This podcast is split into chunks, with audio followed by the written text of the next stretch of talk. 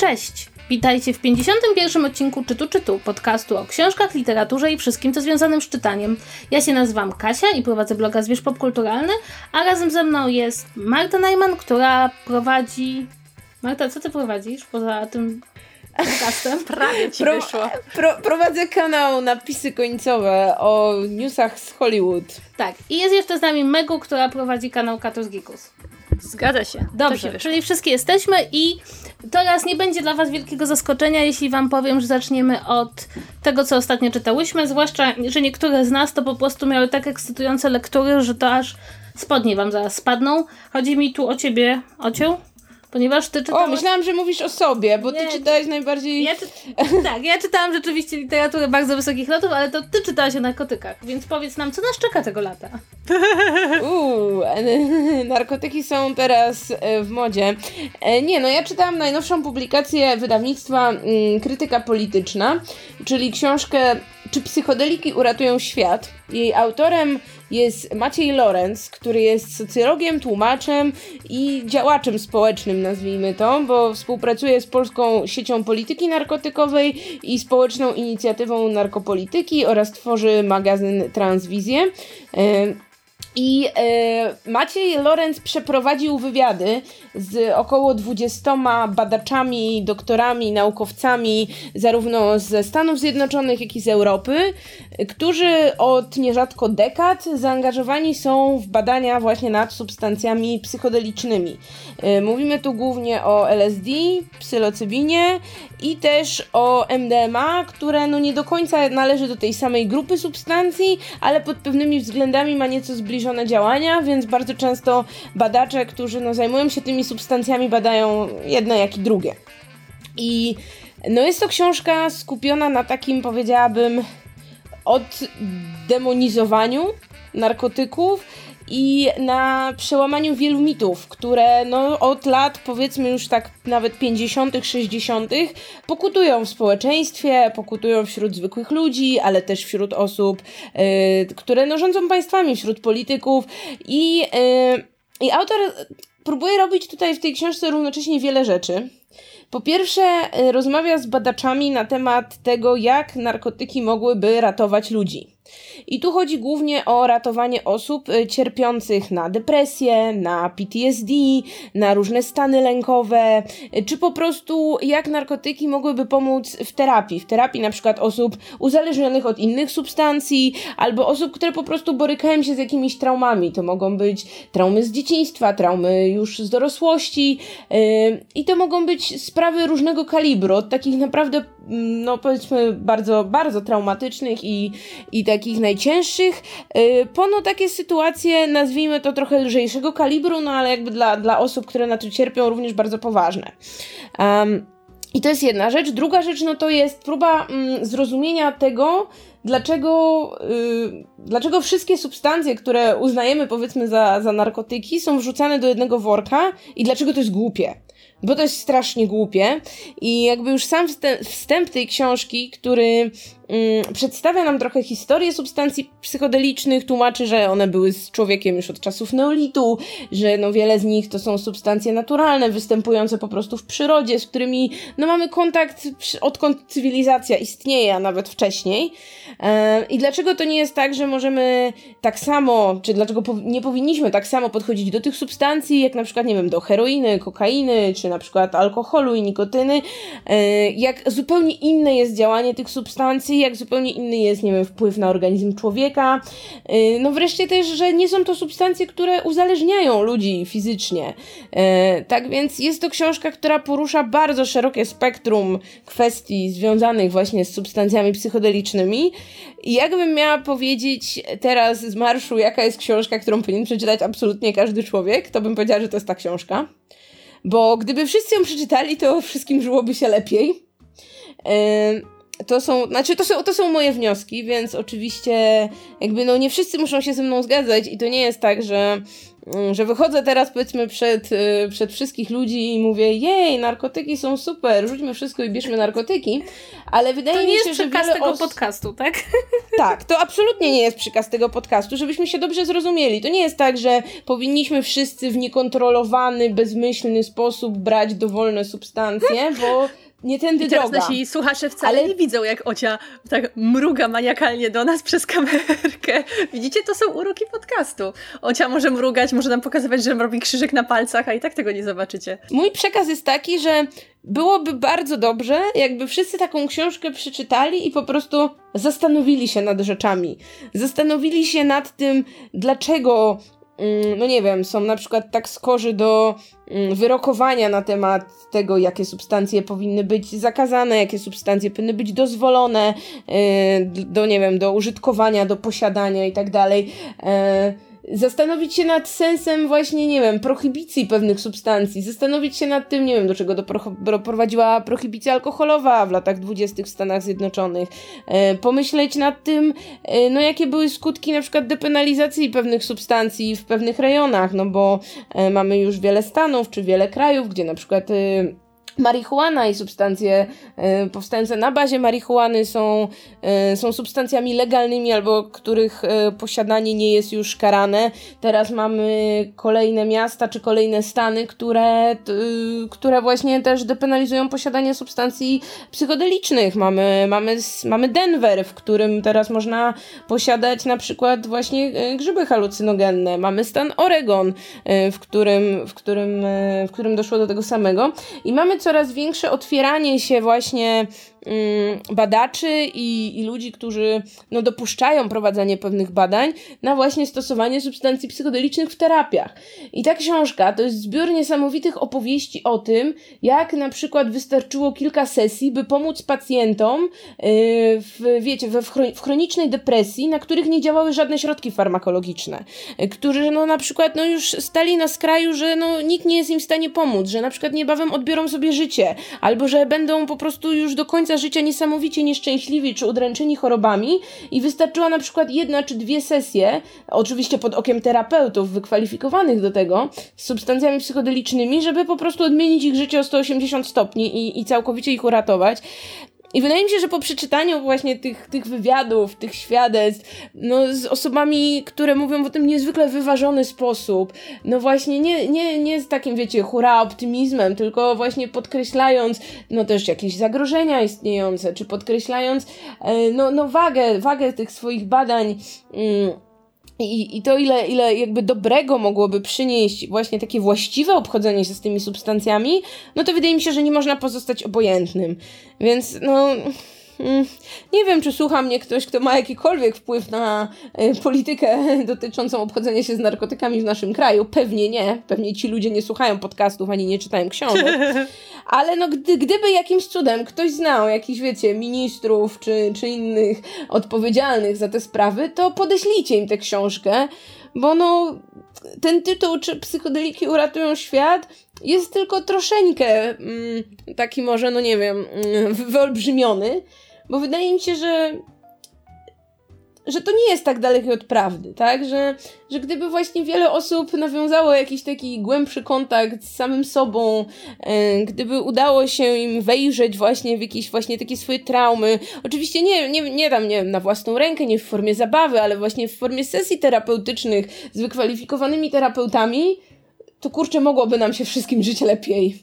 Więc y, no polecam, polecam bardzo. Y, no mimo, że to są wywiady z naukowcami, to książka nie jest napisana jakimś niesamowicie naukowym językiem. Tutaj autor właśnie, który no nie jest naukowcem, tłumaczy niektóre rzeczy, dopowiada, czy no formułuje pytania w taki sposób, żeby właśnie to było zrozumiałe dla, dla takiego zwykłego czytelnika, który no niekoniecznie zna się jakoś super na, na biologii, neurobiologii, e, więc pod tym względem jak najbardziej jest to taka przystępna i przejrzysta pozycja, ale właśnie jednocześnie bardzo tak nastawiona na, na przekazywanie tej naukowej wiedzy i, I no właśnie podkreślanie, że nie mówimy tutaj o właśnie, nie wiem, zabawie z, taki, z tego typu substancjami, tylko właśnie o poważnych sprawach, o terapiach i, i o tym, jak to może ratować ludzkie życie. Więc no polecam, jestem pod ogromnym wrażeniem i, yy, i nie przestanę wierzyć, że kiedyś ludzkość trochę zacznie bardziej wierzyć naukowcom, a mniej właśnie politykom, którzy mają jakieś swoje interesy, czy swoje takie, wiecie, populistyczne jakieś bardziej przekonania,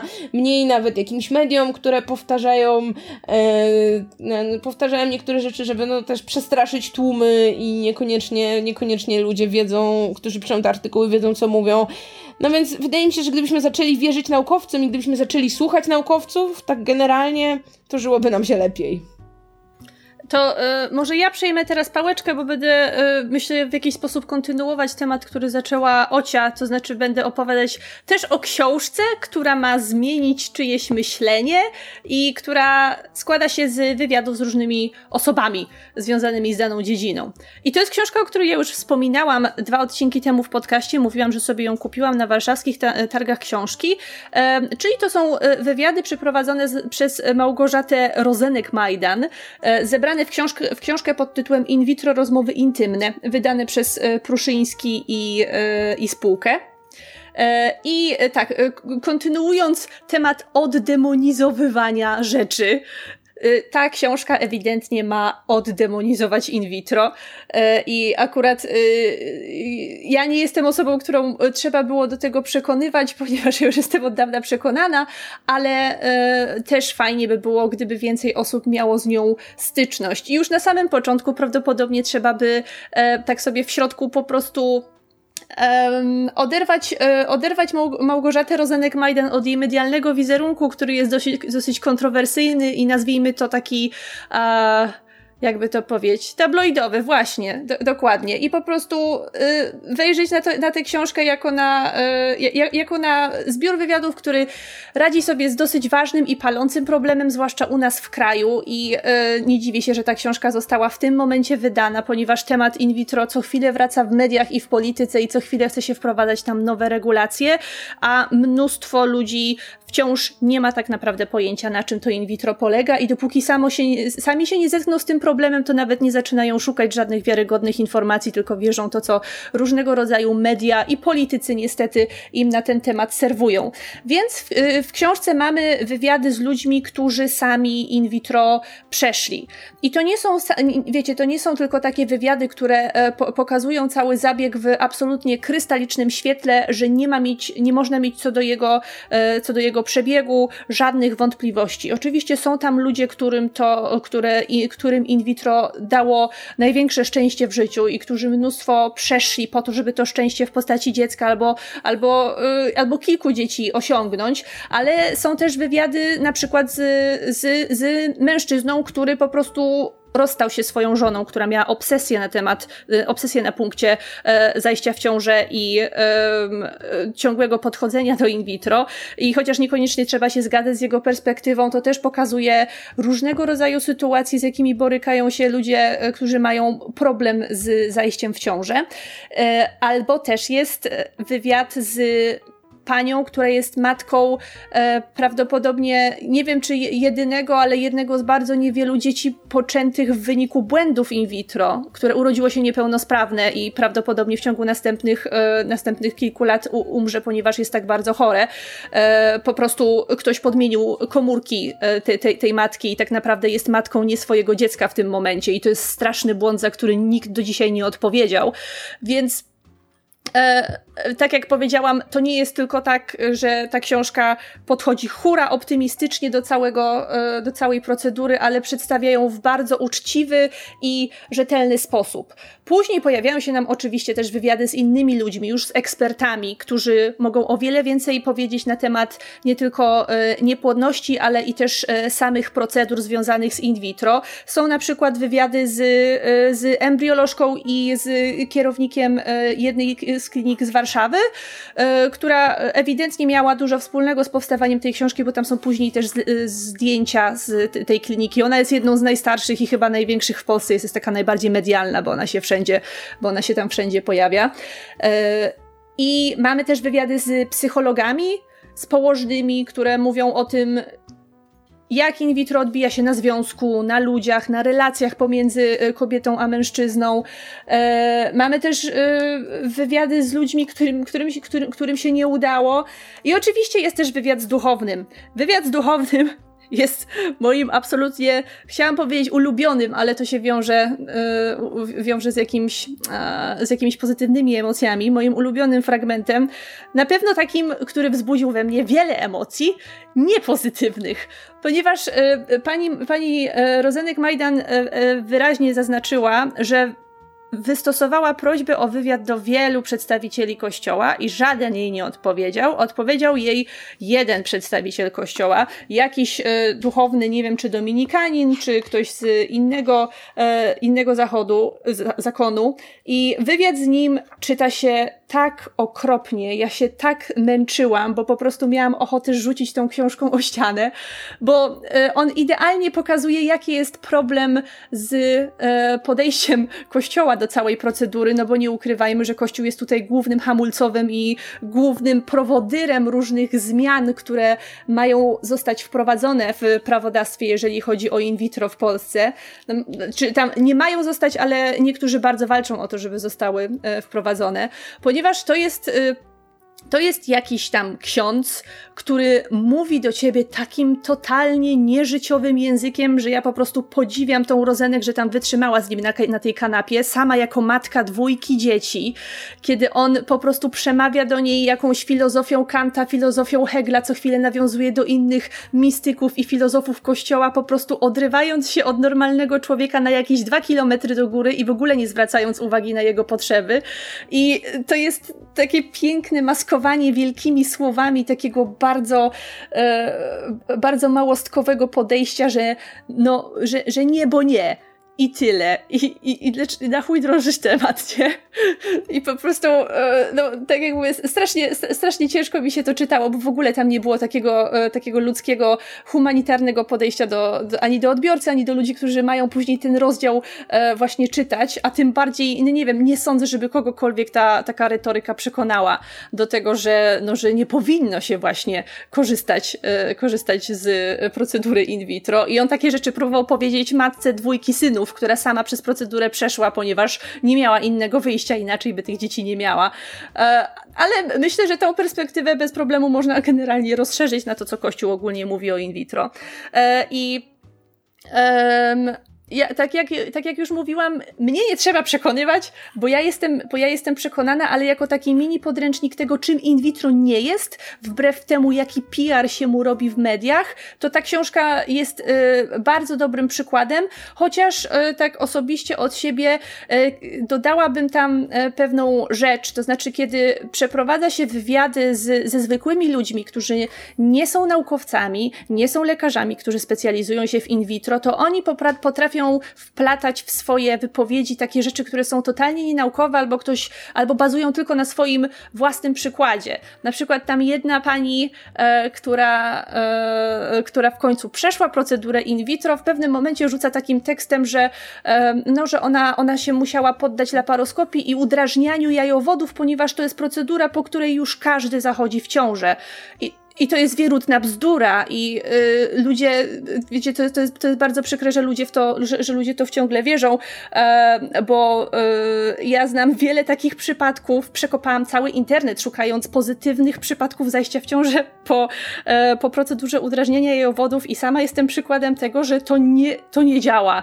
I wszyscy lekarze mi to powtarzali i strasznie głupio się czuję, kiedy czytam potem takie rzeczy y, w książce, że taki jeden zabieg potrafi, potrafi pomóc, bo nie potrafi, a często to jest pierwszy krok na, e, w drodze leczenia niepłodności i potem ludzie dopiero po wielu miesiącach albo po latach docierają do tego etapu in vitro, bo najpierw ktoś im powie, że udrażnianie jajowodów jest genialną metodą. No, no nie jest. Dlatego w tym momencie w takim wywiadzie powinien się jeszcze pojawić e, komentarz od eksperta, który by wyjaśnił, że no niekoniecznie to wszystko jest prawda, a tutaj mi e, w tej książce tego, te, tego zabrakło. No i te rozmowy z prywatnymi osobami to jest takie czytanie wątków na Facebooku w różnych grupach. Jak się, jak człowiek ma jakiś problem ze zdrowiem, to bardzo często od razu zaczyna szukać takiej wspólnoty i ludzi, którzy doświadczyli tego czegoś podobnego, a potem to już się opiera tylko i wyłącznie na omawianiu swojego jednego przypadku, a nie dowodów naukowych albo statystyk naukowych, więc myślę, że w takich książkach jednak bardziej się powinniśmy opierać nie tyle na pojedynczych historiach, ale e, też właśnie na podawaniu tych bardziej naukowych danych, które ludziom mogą po pomóc zrozumieć e, cały problem. Ale, e, ale mimo wszystko, mimo tych paru małych zastrzeżeń, ja książkę generalnie bardzo polecam. Można robić takie pranki, że kupuje się ją ludziom, którzy są totalnie przeciwko in vitro i próbować w ten sposób zmienić ich podejście. E, można spróbować, czemu nie? E, tak, a ja, a, ja, a ja w tym momencie jestem jak najbardziej na taki e, i, i polecam zainteresowanym tematem albo tym, którzy chcą się po prostu o samej procedurze in vitro dowiedzieć więcej. Dobrze, to skoro już omówiłyśmy narkotyki in vitro. No, Kasia, my uratowałyśmy świat, ty teraz powiedz coś lżejszego. Tak, czas słuchajcie na, na książkę też wydaną przez wydawnictwo krytyki politycznej. E, natomiast ja już nie mam pozytywnych słów więcej do powiedzenia o tej książce. tu się skończyły pozytywy. Słuchajcie, otóż e, chodząc sobie po internecie, a właściwie po Legimi, doszłam do wniosku, że przeczytałabym sobie coś takiego lżejszego dla młodzieży. No i okazało się, że krytyka polityczna, która wydała, jak, jak może pamiętacie, fanfika Natalii Osińskiej, który jakby tutaj rozpoczął e, cykl, który tutaj recenzujemy i lubimy. I ta sama krytyka polityczna wydała książkę Radoboj, której, go, której to książki autorką jest Dorota Jaworska. E, I ja zaczęłam czytać tą książkę i z każdą stroną moje oczy stawały się coraz większe. E, ponieważ jest to teoretycznie w założeniu powieść młodzieżowa e, z takimi wątkami LGBT, więc możemy podejrzewać, że wydawnictwo tutaj uznało, że znalazło jakąś niszę i że ponieważ Osińska przyszła do Agory, to oni tą niszę muszą wypełnić. No i wypełniają ją książką Radopój. Problem polega na tym, że ta książka jest fatalna, ale nie, ona nie jest zła. Słowo zła nie oddaje tego, jak ta książka jest fatalna. E, zacznijmy od języka. No, książka jest napisana językiem absolutnie kuriozalnym, e, ponieważ e, wszyscy bohaterowie, czy są młodsi, czy starsi, posługują się takim samym językiem. I jest on absolutnie stuprocentowo sztuczny. E, jest sztuczny na każdym poziomie, to znaczy zarówno na poziomie mm, emocji, jak i, i w ogóle wykorzystywanych słów. E, są tam sceny, które mają być z jednej strony niesamowicie emocjonalne, ale przez tą sztuczność języka stają się przekomiczne. E, moja ulubiona scena to jest taka, kiedy wnuk e, jak mówi babci swojej, że nie, czy swojemu ojcu, już nie pamiętam komu, że żona się przeniosła do kogoś innego i że jest dobrze i że ma romans i coś takiego, po czym słyszy takie zdanie, no nie mów, tak? A on za to i odpowiada na to, mogę przeprosić za słowa, które wyraziłem, ale nie za treść. Bo jak wiemy, wszyscy się w ten sposób posługujemy językiem. Do tego wszystkiego jest też cudowny język opisu rzeczywistości, e, ponieważ na przykład w jednym z rozdziałów jest pół akapitu, które opisuje to, że policjant przeczes przeczesywał włosy trzymając em, długopis między kciukiem a palcem wskazującym swojej ręki. Innymi słowy, autorka spędza bardzo dużo czasu, żeby powiedzieć nam, że ktoś przeczesał włosy. Czy to ma jakiekolwiek znaczenie dla fabuły żadnego? Ale nie policzyła, którym e, paliczkiem to trzymał? Nie, Jestem nie. rozczarowana. E, jakby Tutaj e, autorka bloga Kurzojady napisała, że jej ukochane zdanie to będzie o bohaterce, która żygała pod dorodnym rododendronem. E, natomiast ja przyznam szczerze, że mm, e, serce moje skradły e, na przykład sceny takie, kiedy e, jeden z bohaterów po, postanawia popełnić samobójstwo e, i staje na takim moście kolejowym, na którym zaczyna się masturbować i jego jęk zgrywa się z gwizdem nadjeżdżającego pociągu. To jest i skacze czy on, czy on chciał zginąć pod tym pociągiem, masturbując się jednocześnie? Znaczy, ja właśnie nie wiem, jak Co? wyglądała z jego punktu widzenia logistyki cała Co? ta.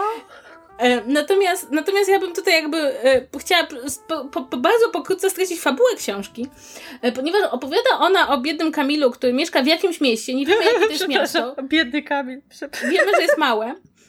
I ogólnie idzie on do szkoły spotkać się z poetą, bo przyjeżdża poeta Wojciech, poeta, który, którego on uwielbia. I Książka zaczyna się od tego, że bohater spada z krzesła i trafia do szpitala. On i poeta. Co? Otóż tak, jego upadek z krzesła jest tak nieszczęśliwy, że on i poeta e, zostają kontuzjowani i trafiają do szpitala. Po czym, jak z tego szpitala, nie szpitala, to chyba gabinetu lekarskiego, po czym jak z gabinetu lekarskiego wychodzą następnego dnia, ktoś ich opus kopał, więc już trafiają do kliniki. I tak jakby te nieszczęścia się gromadzą. E, ostatecznie, zanim książka się skończy, to Wojciech straci śledzione, a, a, a Kamil straci... Przepraszam, bo muszę, muszę... Kamil straci nerkę i dostanie tężca. Co? I ogólnie streszczenie dramy jest, stężenie dramy w tej książce jest takie, że chyba jedno z moich ulubionych motywów jest to, że e, poeta Wojciech i jego e, e, jego siostra Joanna, oboje są homoseksualistami, on, on jakby zakochuje się w tym młodym Kamilu, a ta Joanna ma dziewczynę, mm, są sierotami. No i dowiadujemy się, że zostali porzuceni w pudełku na przystanku. No ale zdaniem autorki ewidentnie to Jak było za mało dramatyczne.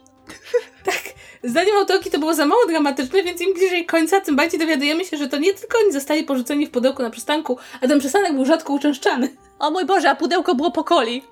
I słuchajcie, i znaleziono ich tylko dlatego, że bok motocyklista miał wypadek.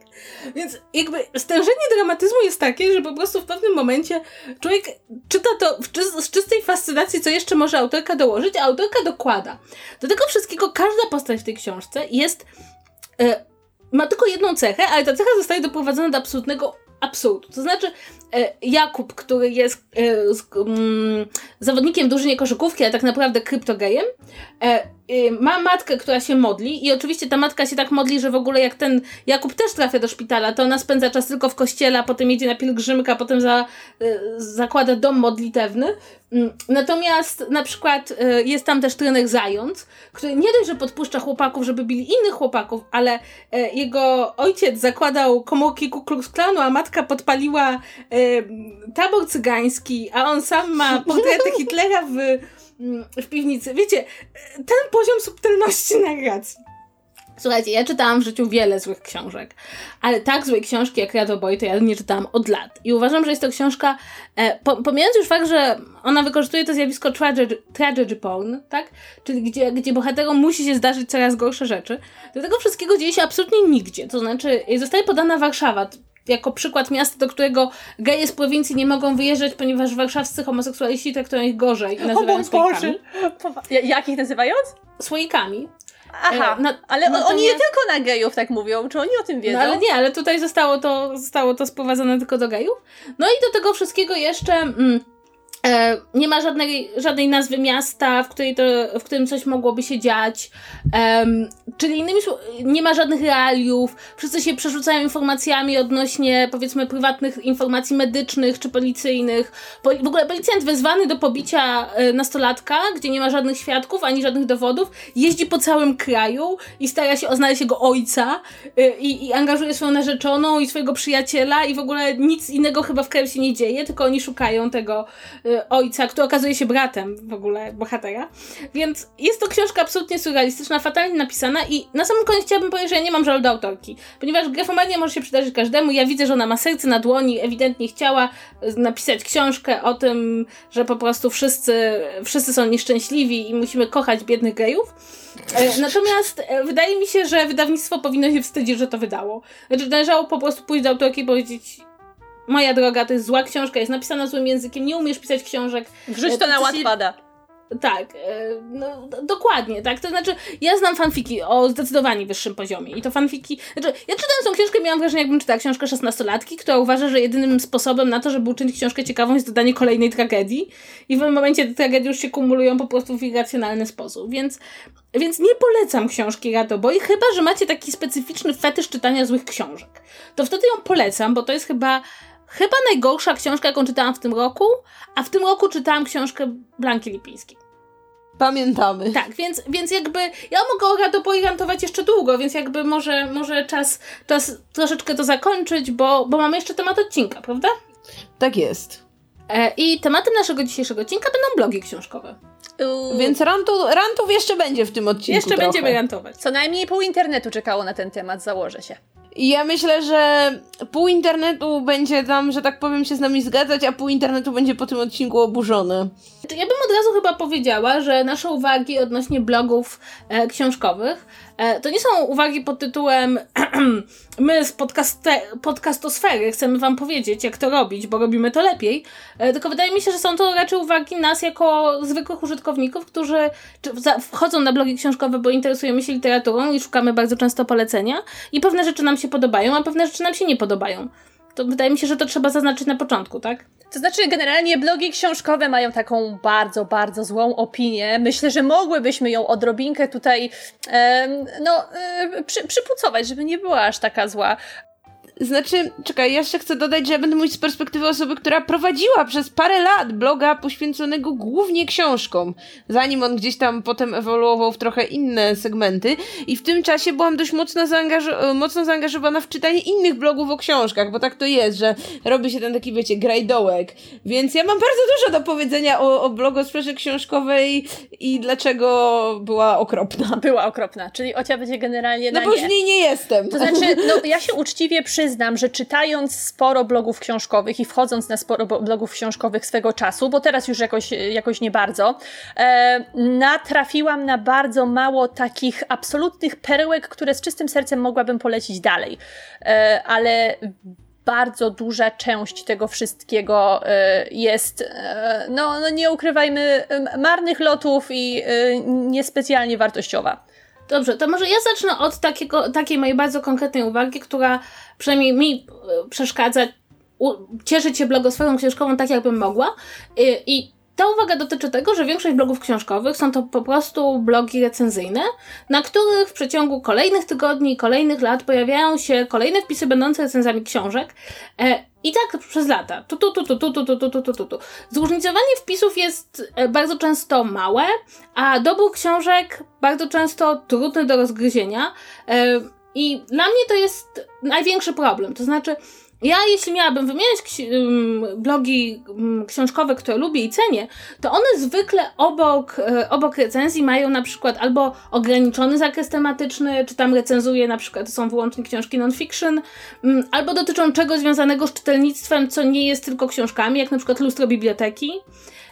No, albo ewentualnie znam autora czy autorkę na tyle dobrze, że jestem w stanie jakby zauważyć, że dobiera książki zgodnie z jakimś kluczem, jak w przypadku Miasta Książek, na przykład, gdzie autorka jest anglistką i jakby ta literatura angielska u niej jest e, recenzowana na dużo wyższym e, poziomie, czy autora bloga Wilczanka, którego po prostu z nami lubię i, jakby mogę, mogę powiedzieć, że uważam, że, że jestem w stanie mniej więcej zrozumieć, dlaczego wybrał te, a nie inne książki. Natomiast kiedy wchodzę na większość tych, tego typu blogów, to mam wrażenie takiego ogromu e, lecących recenzji, e, których ja się to, totalnie nie umiem odnaleźć i też trochę nie wiem, e, dlaczego miałoby być dla mnie ciekawe czytanie aż tylu recenzji tak bardzo zróżnicowanych książek, e, z których właściwie dowiaduję się, czy komuś się coś podobało, czy nie.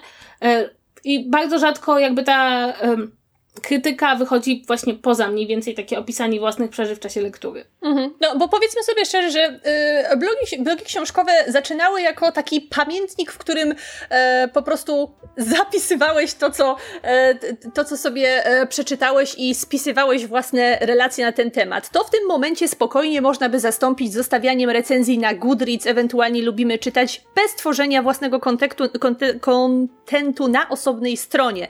Przy czym w pewnym momencie momencie w blogosferze książkowej pojawiły się wydawnictwa i myślę, że ich działalność w, po, w połączeniu z blogosferą książkową e, tu, tutaj e, bardzo źle wpłynęła na e, całą opinię tego segmentu blogosfery, po, ponieważ e, wydawnictwa zaczęły w jakiś zupełnie nieskoordynowany i nieprzemyślany sposób wysyłać egzemplarze recenzenckie każdemu, kto tylko o to poprosi, co automatycznie wpływało na ilość recenzji, jakość recenzji na tych stronach e, i e, tą opinię, jaką blogosfera książkowa zaczęła się cieszyć w internecie, mianowicie taką, że ludzie zakładają blogi książkowe tylko po to, żeby dostawać darmowe książki, ale czytać się absolutnie tego nie da. Zwłaszcza jeżeli bardzo duża część tych recenzji była, była miałka, była kiepska, nie dało się ich czytać, a bardzo często były to po prostu bardzo słabo napisane streszczenia. Więc yy, nie chcę skazywać całej blogosfery książkowej na potępienie, ale yy, no, myślę, że wydawnictwa bardzo, w bardzo dużym stopniu przyczyniły się do tego, że wygląda ona w tym momencie tak, jak wygląda. Bo tu się nakłada kilka problemów. E, przede wszystkim recenzja nie jest szczególnie atrakcyjną formą. To znaczy, mamy schemat pisania recenzji i osoby, które te recenzje klepią na potęgę, a nie oszukujmy się, że w przypadku właśnie blogów skupionych tylko na tym, to często tak jest, że mamy takie recenzje wpadające nieraz co dwa, co trzy dni. Nie wiem w ogóle, jak ci ludzie są w stanie czytać te książki. Myślę, że w wielu przypadkach e, niekoniecznie robią to uczciwie, tak wiecie, od deski do deski, ale już pomińmy to. Później powstają te recenzje, które są wpisane w jeden schemat i to dotyczy blogów książkowych, dotyczy też blogów na przykład komiksowych, dotyczy generalnie y, treści o popkulturze, że bardzo często recenzent obiera sobie ten jeden schemat i potem rąbie 500 tekstów w tym jednym schemacie, gdzie mamy y, w przypadku książek to było tak ewidentnie y, dostrzegalne, po prostu wystarczyło wejść do jakiejś osoby i przejrzeć dosłownie kilka losowych tekstów, gdzie zawsze był ten wstęp, później był blurb, tylko taki przepisany innymi słowami, potem był jakiś jeden akapit z jakąś pseudoopinią i zakończenie i do widzenia i kolejna książka.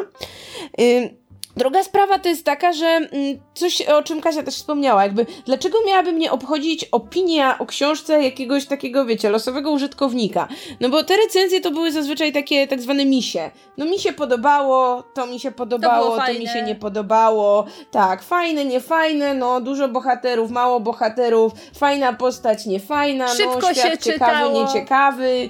I, I wiecie, i, i to było jak, na, jakby, ja nie odmawiam nikomu prawa, wiecie, do wyrażenia swojego gustu, do dzielenia się jakby nim, zwłaszcza, nie wiem, z jakimś gronem swoich znajomych, z którym na przykład dzieli się ten gust, ale ale nie bardzo wiem, co by miało być w tym atrakcyjnego dla szerokiego grona odbiorców, no kiedy ktoś po prostu przedstawia nam, yy, no wiecie, taką swoją perspektywę nie popartą absolutnie niczym. To znaczy, dlaczego to, czy nie wiem, wiecie, Hani książka się podobała, czy nie podobała, miałoby coś powiedzieć mnie, że co, czy mnie się w związku z tym ta książka spodoba, czy nie podoba, no nie wiem, prawda? Ej, ale Hania ci, Brakuje Hania ci w tej recenzji na pewno napisze, że no mnie to się nie podobało, ale może znajdą się ludzie, którym się spodoba. Tak, tak, bo wydawnictwo jej przysłało książkę, więc nie może jej tak bardzo skrytykować, nawet jak jej się bardzo nie podobała. Yy, A czy ale mogę dodać wiecie, jedną bra- rzecz odnośnie wydawnictw? Bo dla mnie jedną plagą związaną z wydawnictwem, którą chciałabym powiedzieć jest to, że przez to, że wydawnictwa zaczęły w tym samym momencie roz, rozsyłać te same książki, tej samej grupie ludzi, to nagle się oka- wszyscy recenzują ci tą samą książkę. I to jest dla mnie koszmarne, dlatego że ja na przykład niesamowicie cenię na blogach książkowych, kiedy sobie teraz ktoś czyta na przykład starszą książkę.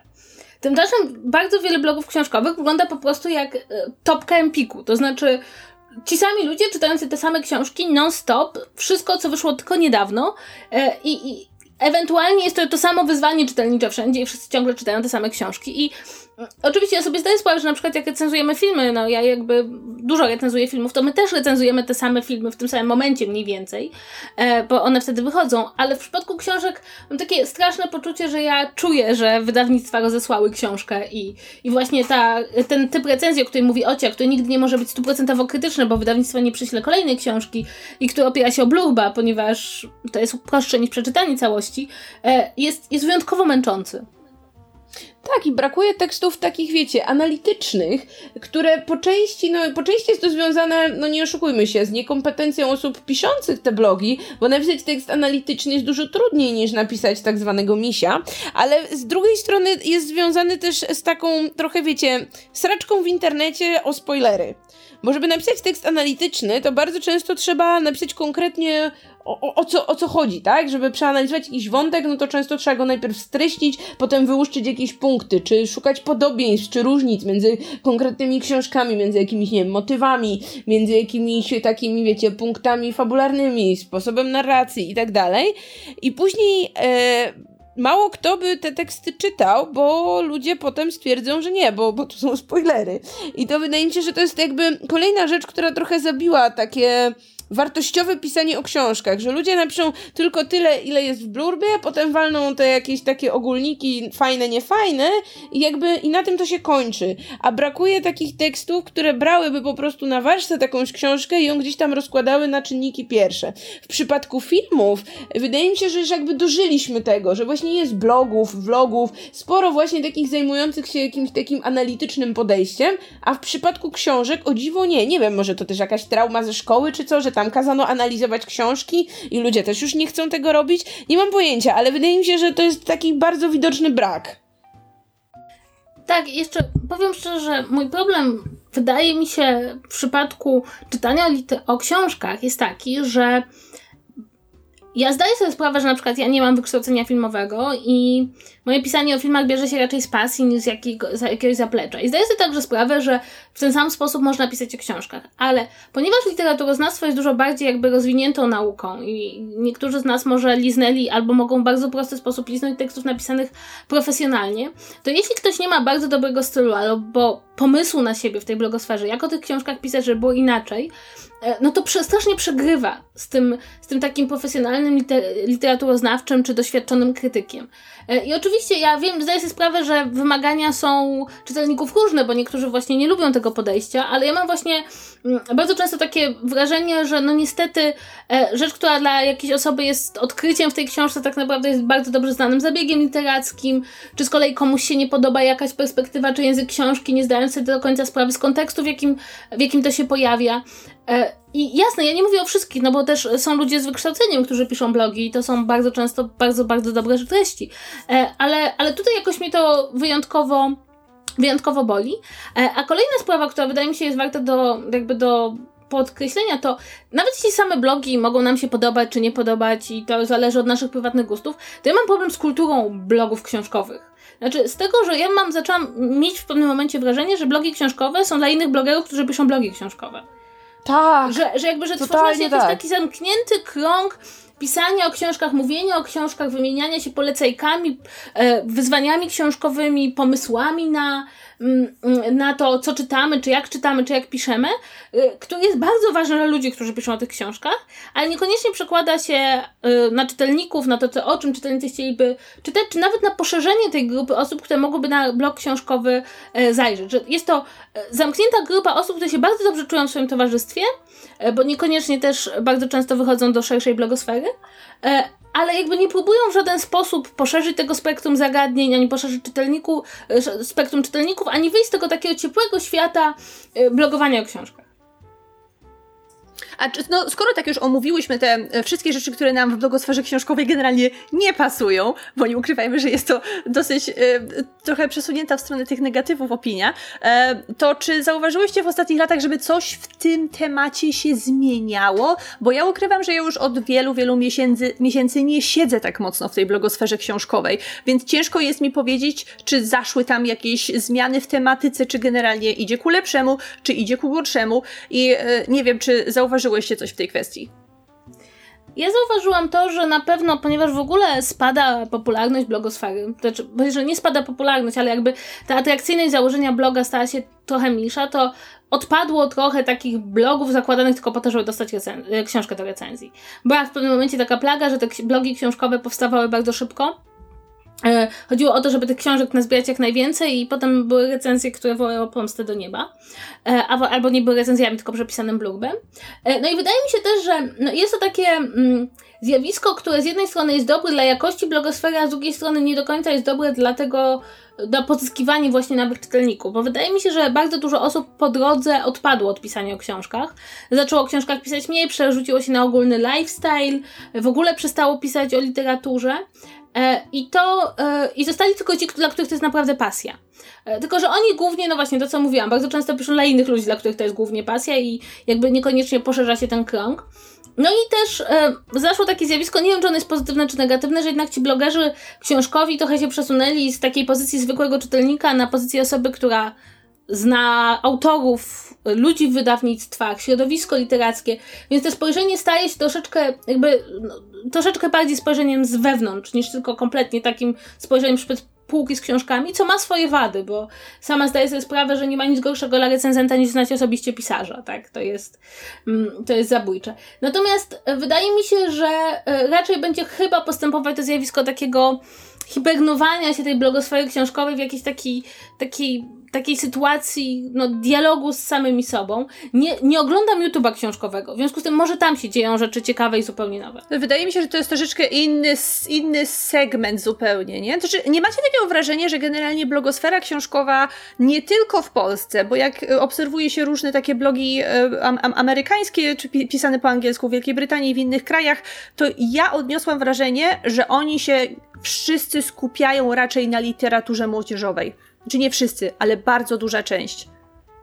No bo to jest chyba ten najpopularniejszy segment yy, i wydaje mi się, że yy, że taka, wiecie, nie wiem, literatura, mm, nazwijmy to jakaś taka, wiecie, poważniejsza, taka już wie, większa w, w cudzysłowie, yy, to że, to, że ci ludzie niekoniecznie szukają opinii o tych książkach w internecie, raczej, no nie wiem, patrzą na przykład na listy jakichś takich nagradzanych powieści, patrzą do takiej tradycyjnej prasy albo na internetowe strony takiej tradycyjnej prasy i tam szukają jakichś takich faktycznie, nie wiem, poważniejszych opinii, czy, czy szukają opinii faktycznie krytyków literackich, no bo tak jak Kasia wspomniała, jakby to jest ten segment bardziej obsadzony, że mamy tych znawców, literaturoznawców od, nie wiem, od konkretnych krajów, od konkretnych epok i że o takie opinie wśród tych profesjonalistów łatwiej, no a z kolei, nie wiem, przychodzą właśnie młode osoby, które nie wiedzą, e, potrzebują, żeby ktoś im coś polecił, nie wiedzą co czytać, no to wtedy do nich e, tutaj łatwiej dotrzeć jakimiś tymi nowoczesnymi środkami przekazu, powiedzmy.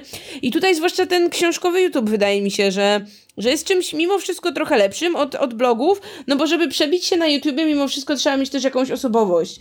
I i tam trudniej robić te takie mm, klepaniny ciągle tego samego. Wydaje mi się, że, że te osoby, które faktycznie mają dużo tych, e, dużo tych odtworzeń, dużo tych subskrypcji, przynajmniej są jakieś i przynajmniej widać, że no nie wiem, mają jakiś pomysł na siebie w tym tak zwanym booktubie.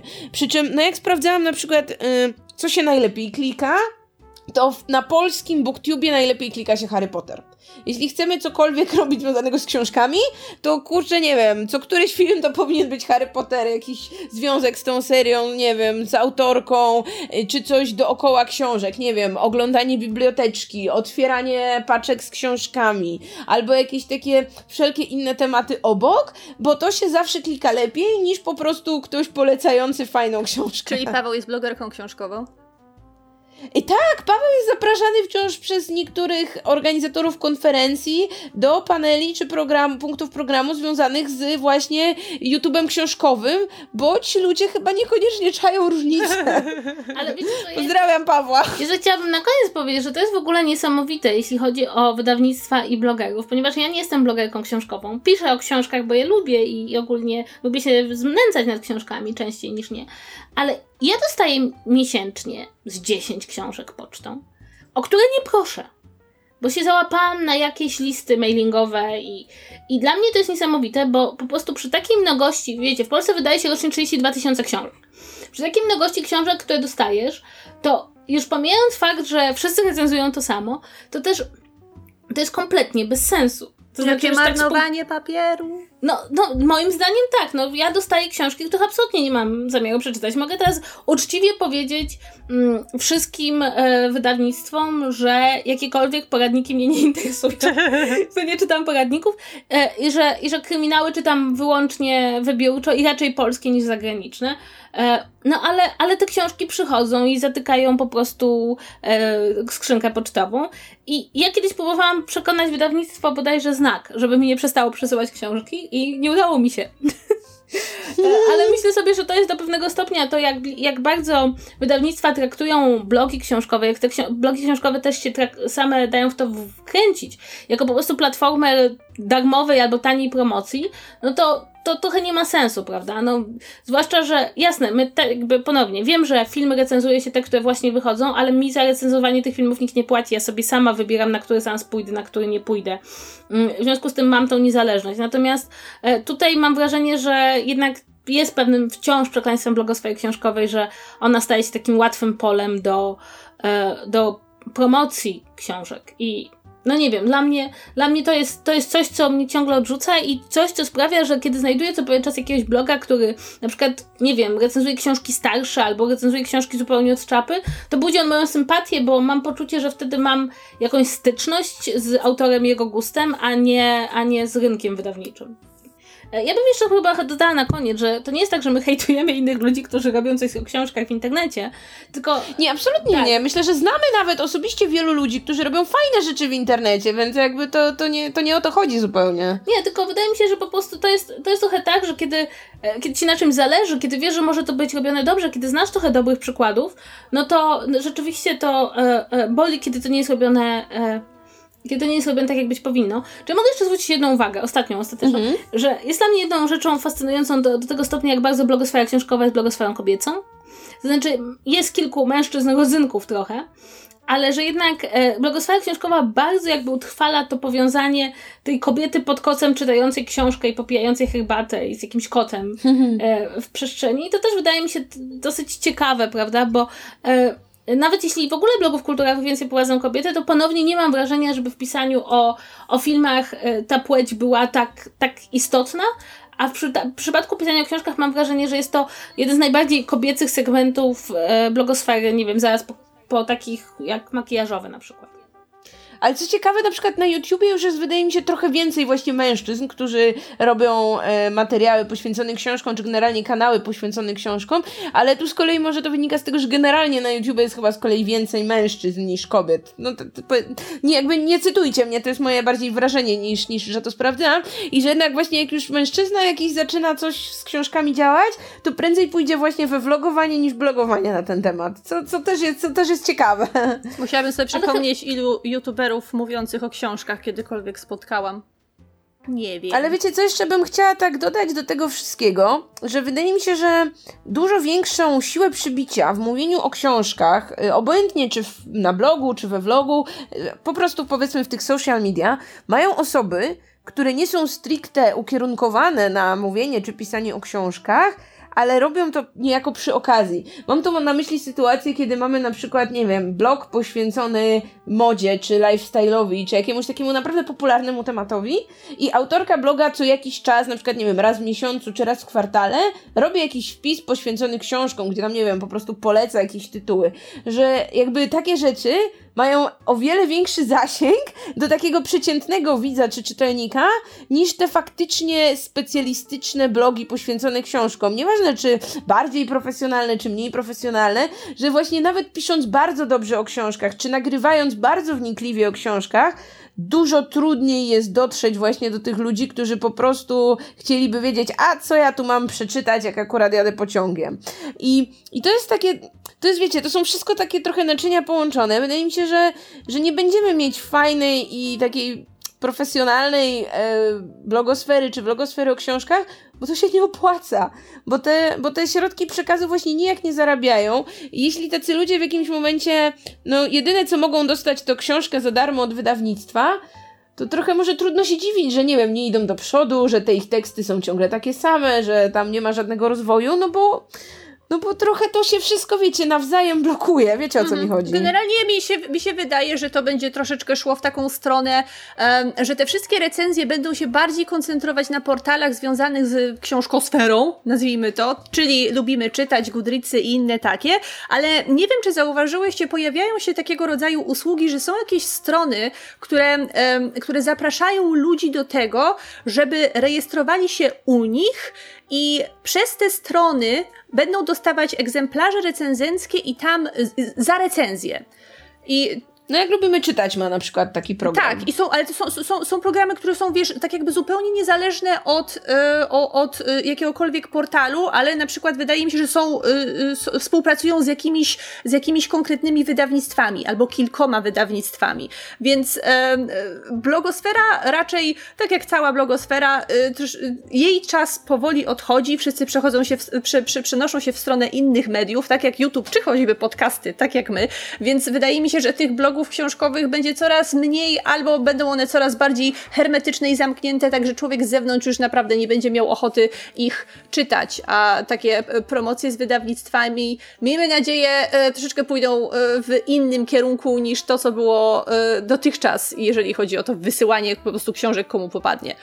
Dobrze, to jeszcze na końcu dodam, że niektórzy z nas piszą od bardzo, bardzo wielu lat bloga i nigdzie się z niego nie wynieśli i zarabiają na nich kokosów. YouTube forever! I robią, to z czystej, I robią to z czystej pasji. Jeśli macie czystą pasję do pisania o książkach, to róbcie to i nie oglądajcie się na nic. E, ale nie zapominajcie się rozwijać, bo to nigdy nikomu nie zaszkodziło w blogosferze, ani w YouTubosferze, ani w ogóle w internecie i w życiu. I to chyba byłoby dobre podsumowanie, które sprawi, że nie dostaniemy maili z nienawistnych z całego, z całego internetu, całego internetu i dostaniemy kiedyś jeszcze jakąś książkę od wydawnictwa. To co? To... Myślę, że tylko, myślę, że tylko Kasia dostanie. mojego, mojego adresu nie ma na niczyjej liście. No to co? To w takim Niestety. razie, Ocia, powiedz, co, co ludzie mogą do nas zrobić. I podaj swój adres. E, Tak, więc jeśli chcecie wysłać mi książki, to dawajcie znać, podam adres. A tak poza tym to przypominamy, że o, otworzyłyśmy niedawno nasz własny kanał na YouTubie i możecie nas szukać pod Czytu Czytu Podcast. A tak to jesteśmy w standardowych miejscach, w których byłyśmy, czyli Spotify, iTunes, wasze aplikacje podcastowe i możecie też wysyłać nam maile i nasz aktualny adres to kontakt i chętnie przyjmiemy wasze opinie, wasze rekomendacje tematów, czy wszelkie inne uwagi, chyba że są niemiłe, to nie piszcie. E, I w tym tygodniu to już wszystko, co dla Was przygotowałyśmy. Standardowo słyszymy się w kolejną środę. I trzymajcie się. Do usłyszenia. Pa, pa. pa.